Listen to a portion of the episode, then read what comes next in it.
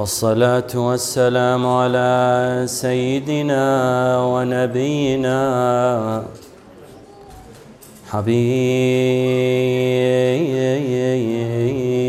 قلوبنا وشفيع ذنوبنا أبي القاسم محمد.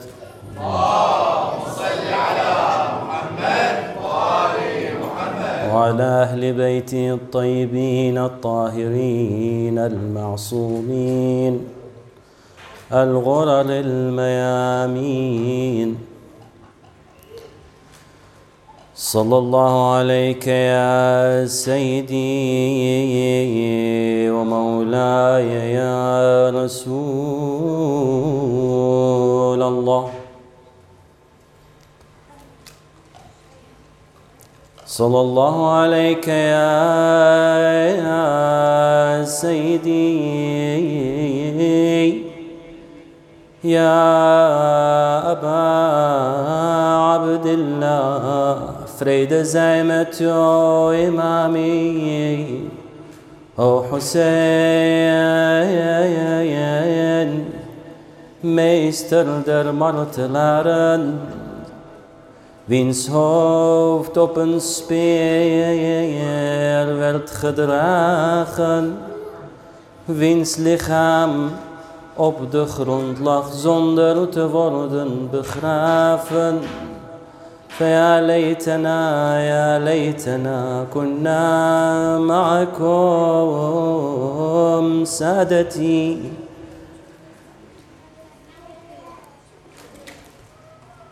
Verloren heeft hij niet, o Hussein, wie zich aan u vasthoudt.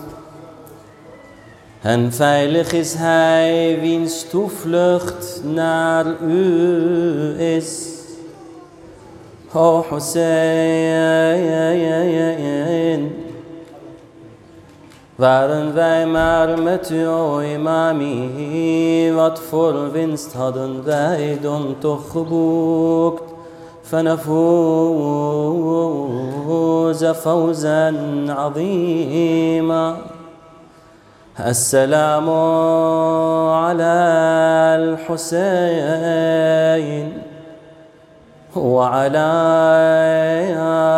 علي بن الحسين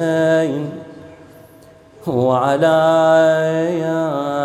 أولاد الحسين وعلى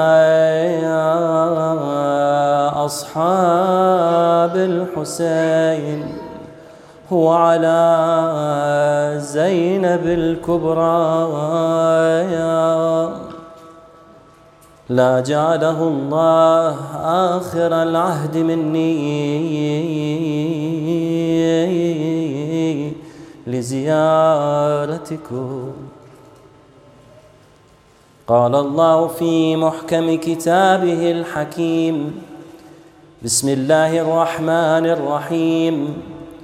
يا أيها الذين آمنوا ما لكم إذا قيل لكم انفروا في سبيل الله اثاقلتم إلى الأرض أرضيتم بالحياة الدنيا إلى الآخرة إنما متاع الحياة الدنيا في الآخرة إلا قليل. صدق الله العلي العظيم. وصدق رسوله محمد وآله الطاهرين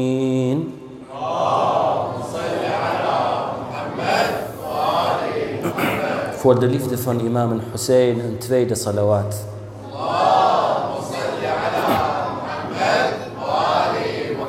Voor het verspoedigen van de verschijning van onze heilige imam een derde luide salawat.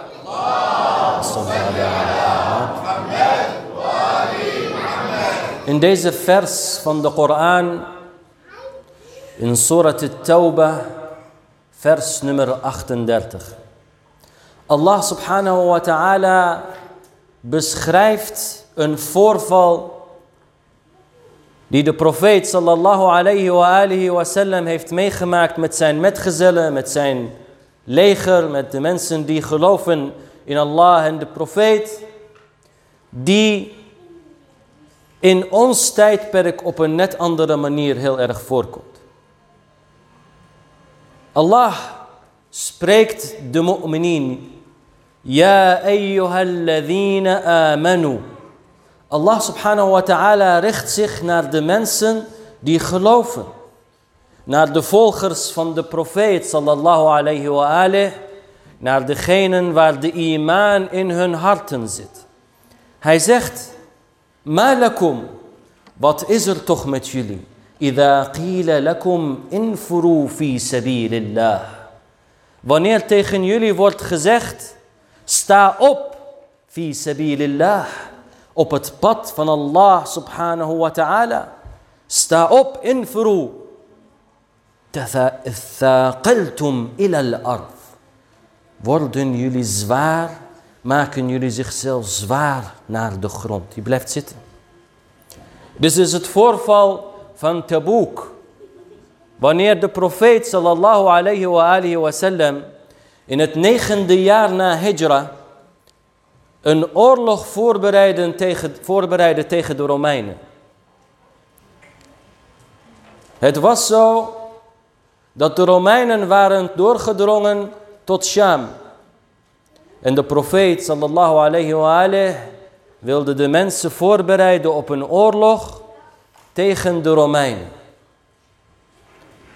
Er wordt gezegd dat tijdens deze voorbereiding van de oorlog de profeet sallallahu alayhi wa de mensen alles uitlegde in zijn strategie. Er wordt gezegd dat in de oorlogen voor deze oorlog de profeet niet alles vertelde voor de oorlog begon aan zijn leger hoe de strategie van oorlog zal zijn.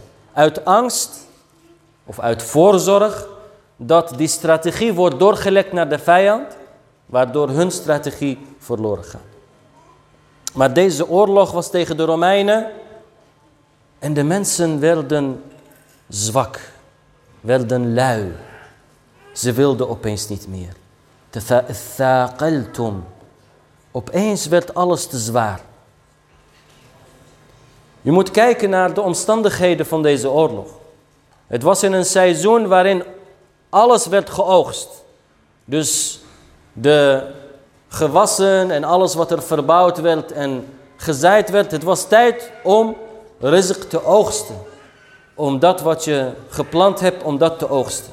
Dus de mensen waren liever met hun dunya bezig en de oogst te vervolmaken en geld binnen te krijgen en hun levensonderhoud te waarborgen dan dat ze naar oorlog gaan waar ze hun leven zouden kunnen verliezen. Dat is één. En het tweede is dat de afstand tot Sham, tot de plek waar de oorlog gevoerd zou worden, was heel lang. Het was warm. Ze moesten 640 kilometer afleggen om tot de plek van oorlog te komen. 640 kilometer. Tegenwoordig gaan we naar Schiphol en pakken we de vlucht. Hoewel ik zou nu niet adviseren om naar Schiphol te gaan. Dan ben je misschien langer onderweg dan dat je lopend gaat. Maar we pakken de vliegtuig en we zijn er zo. Maar in die tijd duurde het dagen en dagen in reis in de hitte voordat je daar aankomt. Dus de mensen, de soldaten, hadden geen zin en werden lui om te doen wat Allah subhanahu wa ta'ala voorschreef. En Allah herinnert ons aan dit voorval. Want dit voorval en de, het gevoel waarin mensen zich bevonden op dat moment, maken wij misschien wel dagelijks mee. Daarom tipt Allah subhanahu wa ta'ala in de Koran in het heiligste boek die we hebben, tipt hij dit onderwerp aan. Hoe vaak gaat onze wekker voor salat al-subh en voelen we ons zo zwaar dat we bijna door onze bed getrokken worden?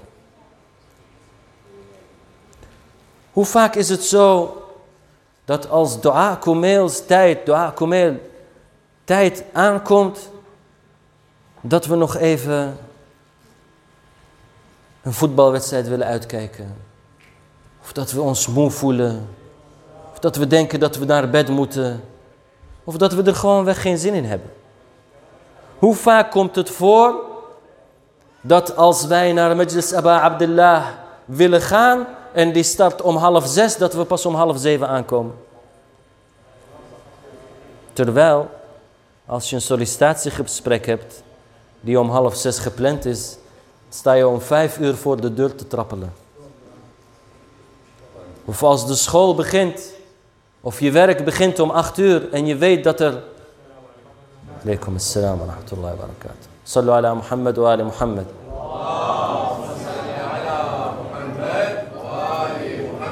Of dat je weet dat mijn school, mijn werk, mijn afspraak om acht uur is, dat ik om acht uur daar ben.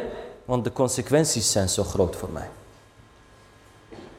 Alleen als we het hebben over de oproep van Allah subhanahu wa ta'ala, dan komt luiheid om de hoek kijken. Dan worden we opeens lui. Heel gek. Niet altijd. Kijk maar naar de maand Ramadan. Als we horen dat Allah subhanahu wa ta'ala elke regel in de Koran beloont alsof je de hele Koran hebt gelezen. Als Allah zegt dat elke nacht telt voor duizend nachten. Als Allah zegt elk gebed telt voor 70 gebeden. Opeens zien we allemaal, zitten we Koran te lezen. We zitten wedstrijdje te doen wie de eerste Koran uitleest. We willen zoveel mogelijk gebed doen. We denken continu aan Allah. Dan kunnen we het wel. Maar in de tijden na Ramadan, in de normale dagelijkse leven, vergeten we Allah soms. En vergeten we onze plichten naar Allah subhanahu wa ta'ala. En als je kijkt naar wat imam al-Hussein salamullahi alayhi heeft gedaan. En zijn hele beweging staat in het teken van opstaan. in fi sabilillah. En het is moeilijk om die status te bereiken. Dat wanneer Allah subhanahu wa ta'ala jou roept, dat je er staat. Ik heb een keer een voorbeeld gegeven dat wanneer jij je vader of je moeder of je zoon of je dochter of je zus of je vriend of wie dan ook roept. Je zegt Wa'il en ik antwoord niet. Wa'il en ik antwoord niet. Derde keer word je boos. Wa'il, waar ben je nou? Je wordt boos, je wordt geïrriteerd. Hoe reageren wij als Allah de oproep doet naar ons om te bidden? Als Allah ons roept dat het gebedstijd is. Als de adhan klinkt, Allahu Akbar, qad Hayya ala salah, hayya ala salah, hayya ala al-falah, hayya ala al-falah. Waar zijn wij dan? Dat negeren we vaak. Daarom, er is een probleem. En luiheid is een probleem van deze tijd. Luiheid zien we als je kijkt naar sociologen die onderzoek doen naar de gemeenschap. Ze zeggen dat luiheid steeds vaker komt. Niet alleen in gebed. Luiheid heeft meerdere vormen. Een van de luiheden is luiheid in lichamelijke inspanning. Veel mensen zitten thuis, hebben geen lichamelijke inspanning, sporten niet, lopen niet, fietsen niet. De auto is heel makkelijk te krijgen en dan krijg je zo'n buik als die van mij. En dat is ongezond. Dat is luiheid. Luiheid in inspanning. Er is ook een intellectuele luiheid. En dat is iets wat we nu zien tegenwoordig. Intellectuele luiheid is de luiheid om dingen te leren. Nou zeggen de meeste mensen waarschijnlijk, ja maar ik heb geen luiheid om dingen te leren, want ik onderzoek alles. Als ik een stap maak, als ik mijn schutting wil doen, dan ga ik daar onderzoek naar doen. Sallu ala Muhammad wa ali Muhammad.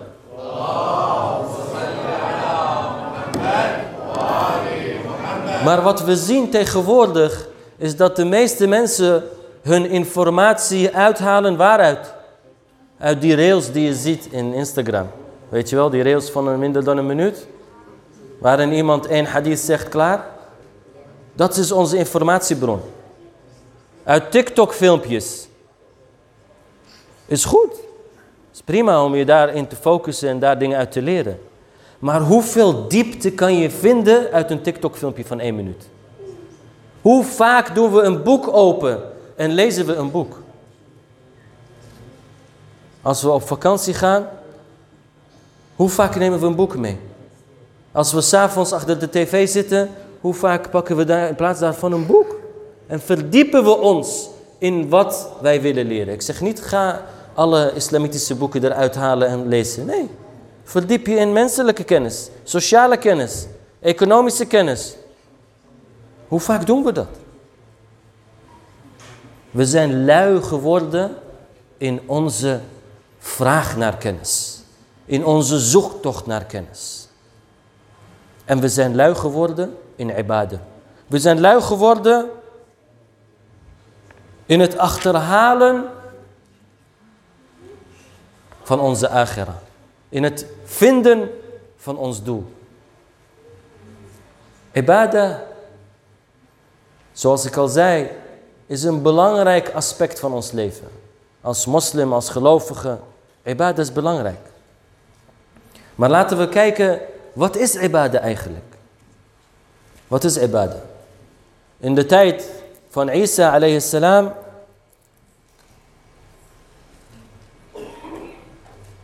Isa zag in zijn gebedsplaats elke keer dat hij ging bidden in persoon. Hij kwam, hij zag hem. Hij ging weg, hij zag hem. Hij kwam, hij zag hem. Hij kwam, ging weg. Hij... Die man was volledig toegewijd aan Allah. Bidden en gebed verrichten en istighfar doen, et cetera, et cetera. Nabi Allah zei, wat is dit? Het is. Ik zie die man nooit weggaan. Ik weet dat hij een familie heeft. Dus hij vroeg aan de man, hij zei, jij bent hier de hele dag. Hij zei, ja, Abdullah. Hij zei, en wie onderhoudt jouw gezin? Hij zei, mijn broer. Ik heb mijn broer opdracht gegeven om mijn gezin te onderhouden. Hij zei, achake a'badu mink. Jouw broer doet meer ibadah dan jij. Allah subhanahu wa ta'ala zegt in zijn Koran, Innama khalaqtul jinna wal insa liya'budun. Allah zegt, ik heb de engelen en de mensen geschapen om wat? Om ibadah. Heeft Allah subhanahu wa ta'ala ons geschapen om alleen maar te bidden? Alleen maar om dua te doen? Alleen maar om hem... Nee, ibadah is veel groter dan dat. De profeet sallallahu alayhi wa, alayhi wa sallam zegt...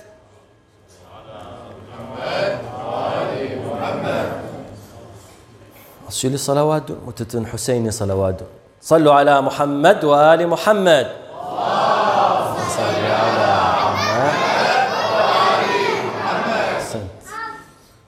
De inspiratie van de spreker die op de minbar zit is van jullie. Vandaar dat die salawat zo belangrijk zijn. Als ik merk dat jullie in slaap vallen, dan wordt het lastig. Sallu ala Muhammad wa ali Muhammad.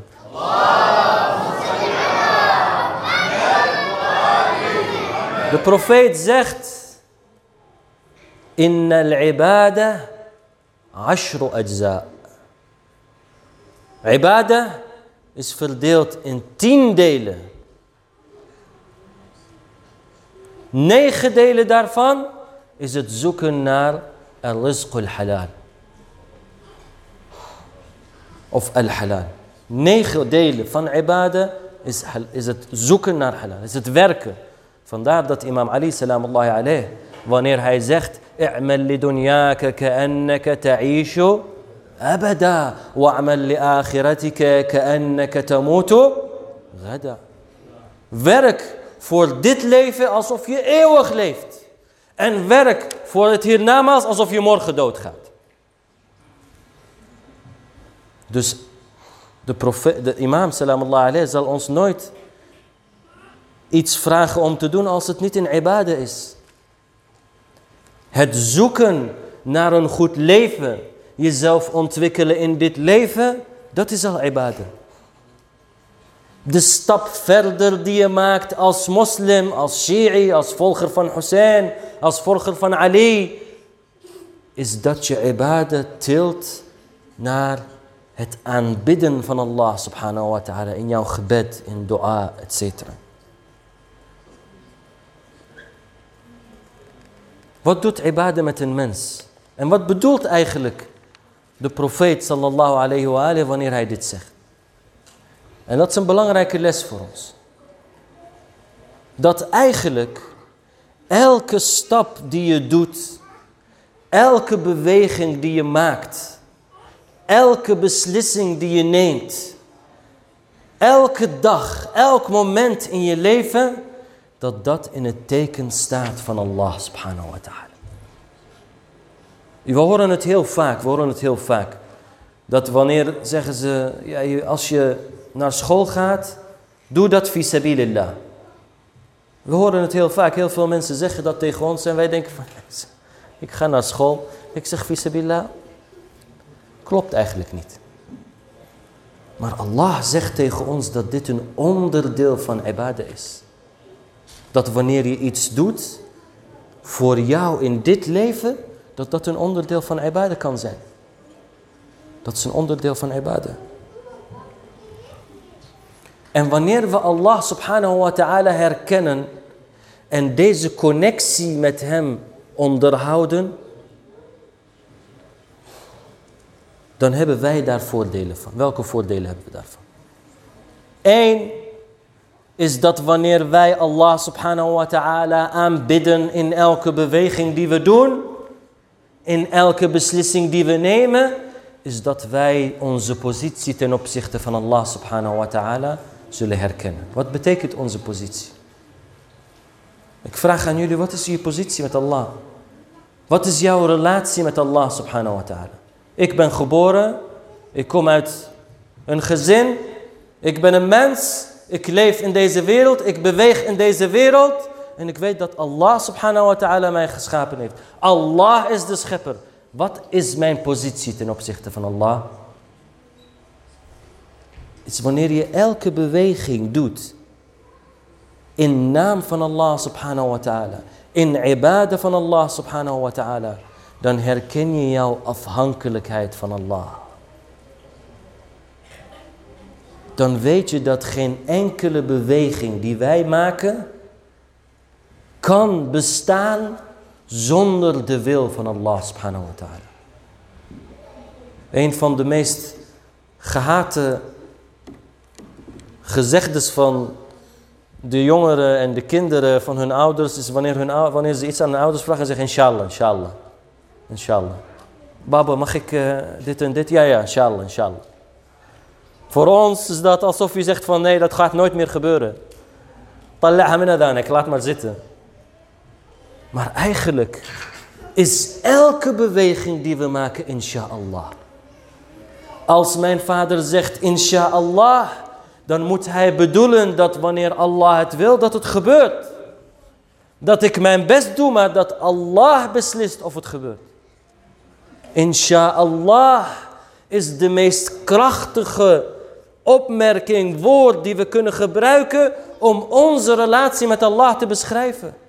Want zonder Allah subhanahu wa ta'ala doe ik niks. Zonder de kracht van Allah ben ik niks. Zonder de wil van Allah gebeurt er niks. Allah is de schepper.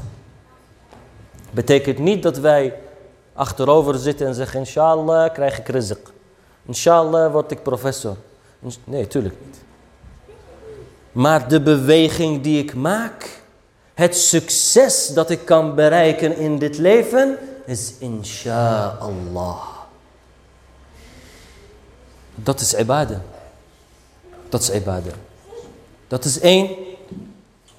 Het tweede is dat wanneer je Allah subhanahu wa ta'ala aanbidt, dan voel je de liefde van Allah subhanahu wa ta'ala. Werkelijk waar. Werkelijk waar.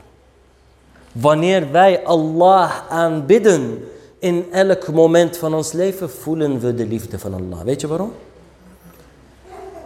gaan er meer dingen fout of meer dingen goed in je leven. Billah. Als je alles op een rijtje zet, wat gaat er fout en wat gaat er goed? Veel meer dingen gaan goed dan fout.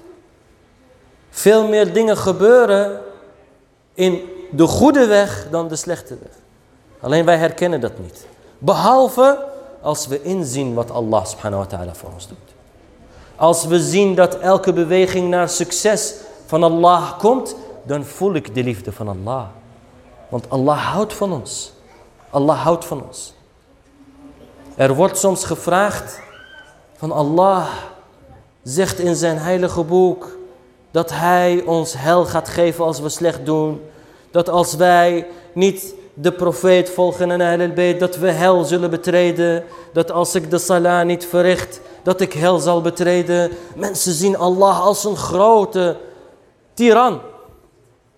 Alsof Allah subhanahu wa ta'ala gereed staat om alles wat we fout doen te registreren. Allah is niet zo. Allah subhanahu wa ta'ala is degene wiens roh in ons zit. ونفخ فيه من روحه Begrijp je dat, min ruhi? Begrijp je dat Allah subhanahu wa ta'ala alleen in de mens een stuk van zichzelf heeft geplaatst? In ieder van ons. In elke persoon die hier zit, zit een stuk God. Zit een fitra naar Allah subhanahu wa ta'ala een moeder en een vader, de liefde die ze hebben voor hun zoon of dochter, is zo groot. Is groter dan wat dan ook. Is groter dan wie dan ook. Er is niemand en niks die de liefde van ouders naar hun zoon en dochter kan beschrijven. Ondanks dat, zoals jullie zeggen, mijn zoon en dochter hier mij proberen van de concentratie af te houden. Er is geen liefde groter. Er is een gedicht in het Arabisch. Het moraal daarvan is dat een persoon leefde, zijn vader was overleefd en hij leefde alleen met zijn moeder. En hij kon niet genoeg geld krijgen om hun leven goed te onderhouden. Hij bleef arm en werkte hard. Hij leefde alleen met zijn moeder. Totdat hij de dochter van de wali op dat moment zag. En hij dacht, ik wil met haar trouwen. Zij wilde met hem trouwen. Hij ging naar de wali. De wali zegt, ja, je kan met haar trouwen. Wat is het meest kostbare wat je bezit? Mijn dochter is het meest kostbare wat ik bezit. Wat is jouw meest kostbare wat je bezit? Ik geef jou mijn dochter, geef jij mij het meest kostbare. Hij zei, ik bezit alleen mijn moeder. Ik heb alleen mijn moeder. Zij geef mij het hart van jouw moeder. Die persoon ging naar huis, vermoordde zijn moeder, haalde haar hart eruit en ging rennend naar de wali, rennend. Terwijl hij rent, hij valt. Wat valt? Het hart van de moeder. Het hart van de moeder raakt de grond en roept, Waladi, mijn zoon, je bent toch niet bezeerd? Die moeder, ondanks dat alles wat hij gedaan heeft, zij roept aan hem, je bent toch niet bezeerd? Dit is de liefde van de moeder voor een zoon. Wat is de liefde van Allah dan voor ons? De schepper van onze moeders, de scheppers van onze vaders. Allahs liefde voel je door hem te aanbidden. Voel je door hem te aanbidden. En het derde, derde is dat wanneer je deze liefde voelt en jouw afhankelijkheid van Allah voelt, dan zal alles wat op jouw weg komt, wat moeilijkheden geeft, wordt makkelijk. Wordt makkelijk. Waarom? Want je ziet de liefde van Allah in elke obstakel. Het is moeilijk om te beseffen dat wanneer ik solliciteer naar een baan, dat wanneer ik ziek word, dat wanneer ik mijn moeder of vader verlies, of wanneer ik een dierbare verlies. Of dat ik oorlog zie. Of dat ik door corona mijn vrienden niet kan bezoeken. Het is moeilijk om daar doorheen te kijken en te zien dat de liefde van Allah subhanahu wa ta'ala overheerst. Maar dat kan je alleen vinden. Waardoor? Door ibadatullah. Door Allah waarlijk te aanbidden. Dan bereik je die positie. Dan bereik je die positie. Door niet lui te zijn. Hoe voorkomen we? Hoe voorkomen we dat we lui worden en hoe kunnen we ons motiveren om het gebed te verrichten op tijd? Om dua kumeel te lezen, om het nachtgebed te, te verrichten. Want het is niet gek dat ons hart soms naar Allah toe gaat en soms niet. De profeet sallallahu alayhi wa, alayhi wa sallam zegt: Inna lil qulub idbarun wa iqbal. Het hart heeft soms een richting naar Allah en soms een richting van Allah. Dat is een mens. Een mens is instabiel. Maar hoe kunnen we die instabiliteit verminderen? Hoe kunnen we waarborgen dat we luiheid van ons afdrijven en Allah subhanahu wa ta'ala aanbidden en het juiste pad volgen? Dit is iets wat imam al-Hussein salamullahi alayh in zijn hele tijd met alle moeilijkheden die hij heeft gezien, met alle moeilijkheden die 72 mensen in zijn leger hebben gezien. Die wisten dat hij en zij zouden, zouden overlijden. Zij wisten dat. Er is niemand in de kamp van Hussein salamullahi alayh die niet wist wat het einde zou zijn. En toch, wanneer de roep voor Sabilillah is gekomen, stonden ze op. We leren uit het slagveld van Karbala. Dit is wat we leren.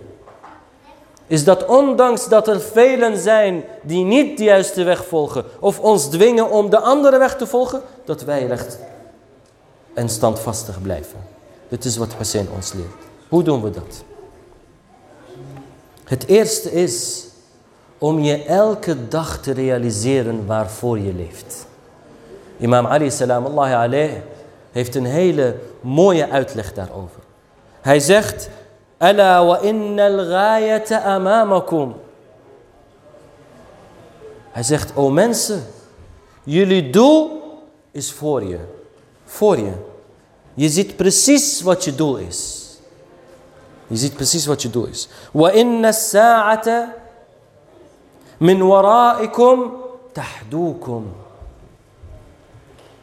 En jullie einde rent achter jullie aan. Wat bedoelt hij? Hij beschrijft het leven van een mens. We hebben één doel en we moeten het doel halen. Maar het einde rent achter ons aan. Talhaqu. Elke ochtend als ik wakker word. Elke ochtend als ik wakker word. Waar denk ik dan aan? Heb ik mijn doel voor me? Inna lillah wa inna ilayhi raji'un. Wat betekent dat? Waar leef ik voor? Waar leef ik voor?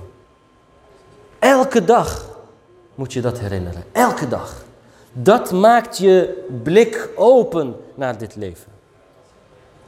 Imam Ali zegt, zegt, je doel is voor je. Je ibn Adam, خلقت الكون من أجلك وخلقتك min ajli. Dat is een hadith Qudsi. Die zegt, o zoon van Adam, dochter van Adam. Ik heb alles gemaakt voor jou als mens. Om te bewegen. Khalaqtuka. En ik heb jou gemaakt min ajli. Om tot mij te komen.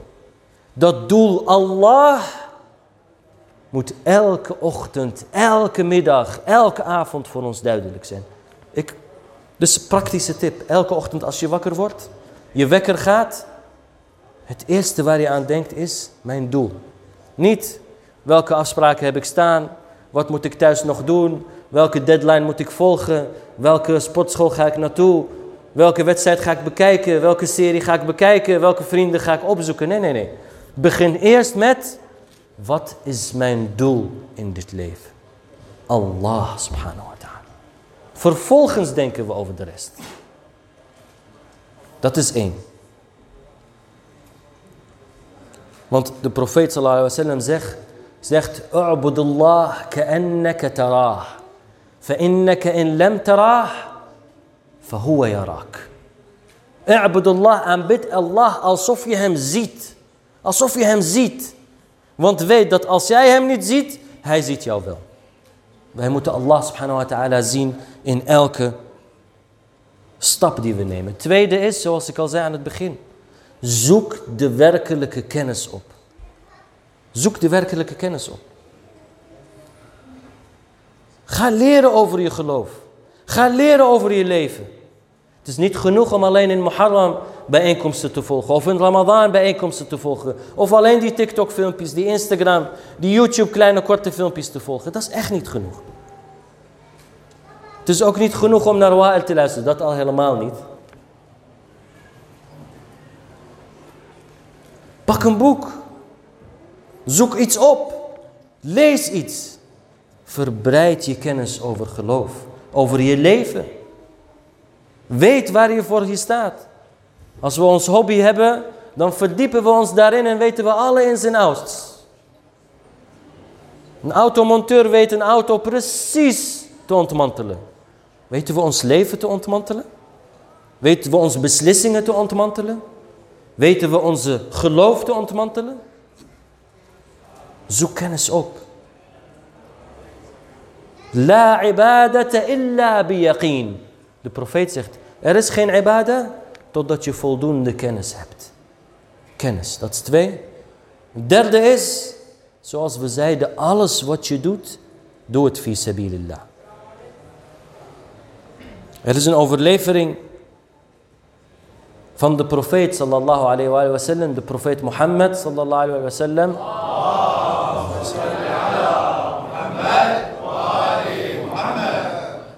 Ahsantum. Ik ga nog een half uurtje door zo. Is goed. De profeet zegt, ja Abdallah, ahbib fillah, wabghad fillah. Heb lief voor Allah subhanahu wa ta'ala.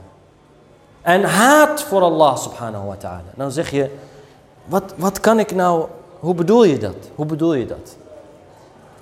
De profeet zegt heel duidelijk, dat elke iets wat je, waar je van houdt, dat moet in het teken staan van Allah subhanahu wa ta'ala.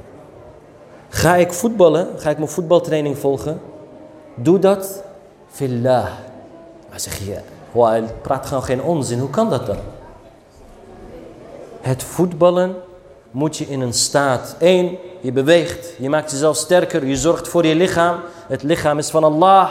Het lichaam is je geschonken door Allah subhanahu wa ta'ala Dus je zorgt voor je lichaam. Dat is één. Tweede, je brengt jezelf in een mentale, rustige status. Dat jou helpt om ibadah te verrichten. Alles wat we doen kan in het teken staan van Allah subhanahu wa ta'ala. ووالي في الله وعادي في الله فإنه لا تنال ولاية الله إلا في ذلك. Je zal de liefde van Allah subhanahu wa ta'ala en de macht van Allah subhanahu wa ta'ala niet volledig voelen totdat je alles doet fi. Fi. Dat is de derde. Het vierde is Maak een afspraak met jezelf. Wat bedoel ik? Dat, maak een afspraak met jezelf dat je elke dag, elke dag salat al-subh op tijd gaat bidden. Elke dag. Ook al doe je het niet. Maak je afspraak. Waarom? De profeet zegt, Ja Aba Dhar, Himme bil hasana. Dus ga, doe de hasana. Of bereid je voor, ga ervoor. Wa in lam ta'malha. Ook al, ook al doe je het niet. Maar maak met jezelf die afspraak om het wel te doen. Train jezelf om die afspraak met jezelf te maken. Ik ga dit en dit en dit en dit doen. Elke dag weer. Ook al doe je het niet, morgen.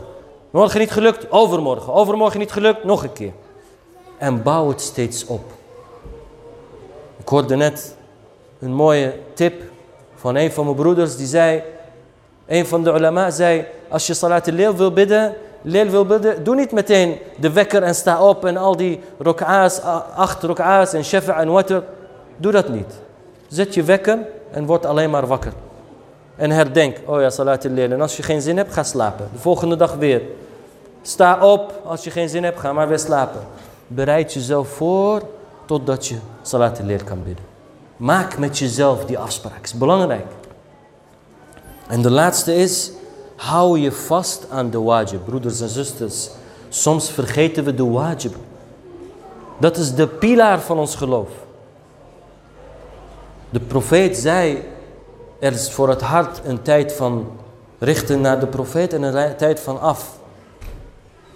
En daarmee bedoelt hij, en hij zegt, wanneer de harten van Allah afgericht zijn, hou je vast aan je wajib gebed.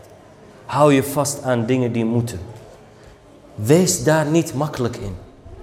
Want de wajib is dat wat ons brengt naar Allah. Is dat wat ons sterk maakt. Wat luiheid verdrijft. Waarom? Want je bent altijd, heb je momenten waar je met Allah subhanahu wa ta'ala bezig bent. Als je het gebed op tijd verricht, als je op tijd, je gebed verricht, innaha tadhabul ghafla. Imam al-Sadiq zegt, het verrichten van de tijd, van het gebed op tijd, brengt van jou of haalt van jou luiheid. Dat zijn de, want dat zijn de momenten dat we aan Allah subhanahu wa ta'ala denken. En kijk naar Karbala. In Karbala, wanneer imam al-Hussein salamullahi alayh staat te vechten voor de mensen en het gebed wordt genoemd. Het gebed wordt genoemd. Hij zegt, rahimallah, rahimakallah, ja'alakallah min al-musallin. Zakart as-salah, ja'alakallah min al-musallin. Mogen Allah jou van diegenen die het gebed verrichten maken. Kijk naar Karbala en hoe zij in contact staan met Allah. Kijk naar Al-Qasim, een jonge vent. Wij zijn allemaal jong. We denken dat we nog jaren te leven hebben. We hoeven nu niet. We hoeven nu niet. Nog niet. Maar kijk naar Qasim, salamullah alayhi. Qasim was een jonge vent. Jonge vent. Hij zag zijn imam هاي زخ إمام الحسين سلام الله عليه سترايدن أن هاي ريب هل من ناصر ينصرنا؟ هل من داب يدب عن آل بيت رسول الله؟ إزر نيمان دي أونس كان فرديدخ؟ إزر نيمان دي دي أهل البيت فرديدخت؟ ديز قاسم زين هارت بريك هاي فيت دات الحسن سلام الله عليه هم هيفت فور بريت فور ديز دخ زين مدر روبتا من زخت يا قاسم. Dit is de tijd waarvoor jouw vader jou heeft voorbereid. Ga en vecht voor je oom. Hij gaat en zijn oom zegt, nee, jij bent het laatste van Hassan. Ik wil jouw moeder niet pijnigen met jouw dood. Zij gaat terug naar zijn moeder. Al-Qasim zegt, oh moeder, mijn imam, salamullahi alayhi, imam al-Hussein heeft mij niet toegelaten. Zij zegt, ga nog een keer en zeg tegen hem, mijn moeder wil mij niet zien. Voordat ik tussen jouw handen, o imam, sterf.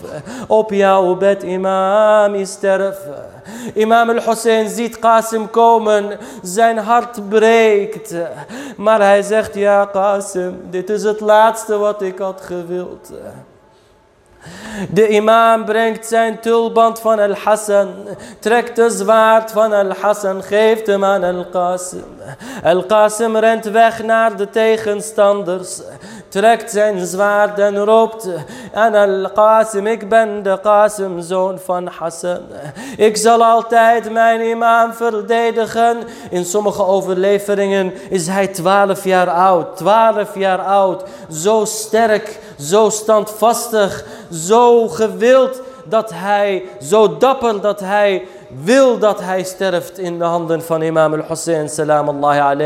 Hij trekt zijn zwaard en vecht als een dappere krijger. Totdat hij loopt en zijn slipper vastraakt en scheurt.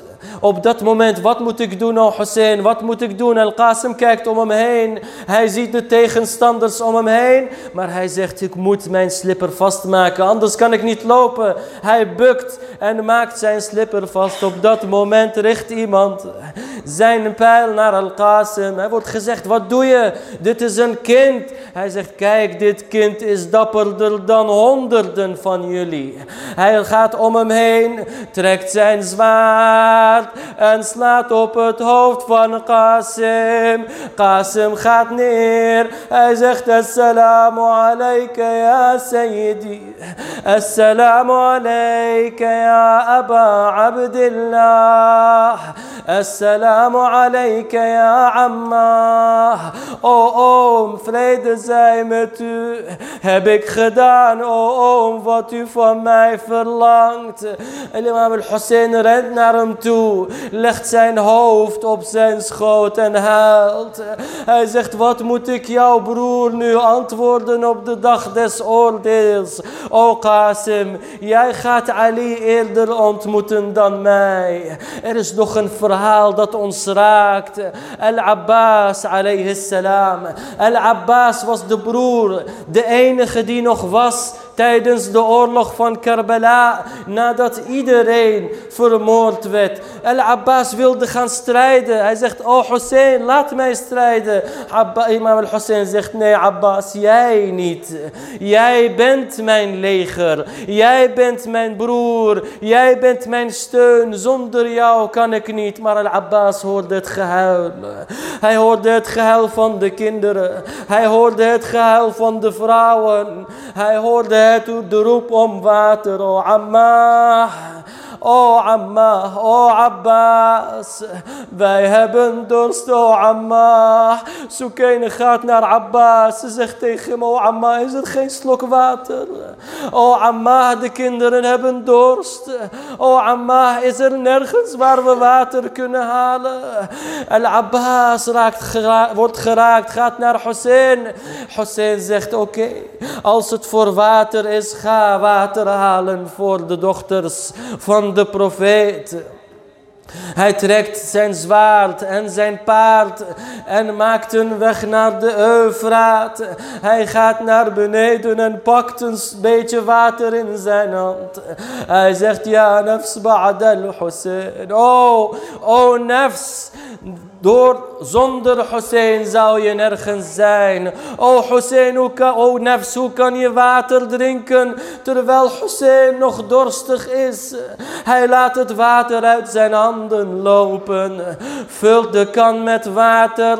Trekt ten strijde. Op dat moment ziet iedereen. Hij wil niet vechten. Abbas wil niet vechten. Maar wij, dit is het moment om hem aan te vallen. Iedereen komt om Abbas alayhi salam. Zijn paard wordt omringd. Hij vecht als een dappere krijger. Totdat iemand achter een boom verschuilt. Hij trekt zijn zwaard en slaat de arm van Al-Abbas af. Zijn hand raakt de grond. Zijn lichaam is nog op het paard. Hij zegt, Wallah, in qata'tum yamini. Wallah, als jullie mijn rechterhand afhakken, ik zal altijd mijn geloof verdedigen. Hoe nu? Een kan en een zwaard. Wat doe je Abbas? Hij houdt de kan met zijn kind tegen zijn borst. En vecht met zijn linkerarm. Maar zijn linkerarm wordt geraakt door een zwaard. Zijn linkerarm valt op de grond. Geen armen meer. Abbas, jij bent de sterke broer. Al-Hussein kijkt van afstand. Wat gaat Al-Abbas doen? Al-Abbas zegt, dit is het water, die moet ik brengen. Totdat een pijl de kan raakt.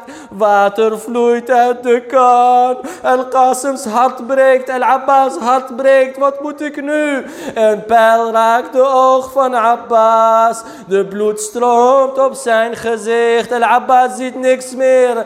Totdat de mensen om hem heen kwamen. De soldaten slaan hem één voor één. Hij wordt geraakt op zijn hoofd en valt op de grond. Al-Abbas leven gaat weg. Daarvoor roept hij assalamu alayka ya Vrede zij met jou broer. De eerste keer dat Abbas Hussein broer noemt was voordat hij overleed. Assalamu alayka ya Aba Abdullah. Hij ziet niks, Al-Abbas ziet niks, Al-Imam Al-Hussein rent naar hem toe. Sprakeloos Imam al-Hussein op dat moment. Hij ziet zijn broer voor zich. Zijn leven vloeit uit hem vandaan. Wat kan je nog zeggen? Tranen in zijn ogen. Hij pakt het hoofd van Abbas. Wilt het op zijn schoot leggen. Al-Abbas weet niet wie dit is. Al-Abbas weet niet wie dit is. Hij zegt, oh jij, mehlan, mehla. Geef mij een klein beetje tijd. Waarom? Wat wil je? Ik wil nog één keer de stem van Hussein horen. Abbas, ik ben het Hussein. Al-Abbas vraagt één ding aan Hussein alayhi salam. Wat vraagt Abbas aan Hussein? Hij zegt, oh broer, breng mij niet bij de kamp van de vrouwen. Waarom niet Abbas? Ik heb Soekene beloofd om water voor haar te brengen. Hoe kan het zijn dat haar oom Abbas terugkomt zonder zijn belofte?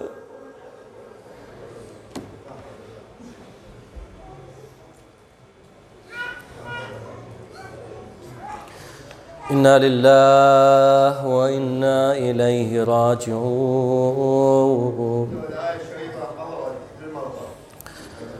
ولا حول ولا قوة إلا بالله العلي العظيم. وسيعلم الذين ظلموا أي منقلب ينقلبون. Een van de meest kostbare gunsten van Allah aan imam al-Hussein is dat dua in zijn moskee gehoord wordt. تحت قبته الدعاء mustajab. Vanuit hier richten wij ons naar Karbala en doen wij dua. بسم الله الرحمن الرحيم أمن يجيب المضطر إذا دعاه ويكشف السوء أمن يجيب المضطر إذا دعاه. أمن يجيب المضطر إذا دعاه ويكشف السوء. أمن يجيب المضطر إذا دعاه أمن يجيب المضطر المضطر إذا دعاه يا كاشف السوء والبلاء يا الله. أو الله بيجزيك فن كربلاء شافي كل مريض يا الله. اللهم تقبل منا هذا القليل. اللهم ارزقنا زيارة الحسين في الدنيا وشفاعته في الآخرة. اللهم اجعلنا من أحسن عبيدك نصيبا عندك وأقربهم منزلة منك. والله ما اكفون أو بست دينار أو الله سخينك uns دي زيارة von حسين ديت ليفن. أن زين بمدلين إن تيل ناماس أو الله سخينك uns دي كرافت فور عبادة. أو الله ارحم موتانا يا الله. ببركة قراءة الفاتحة مع الصلوات.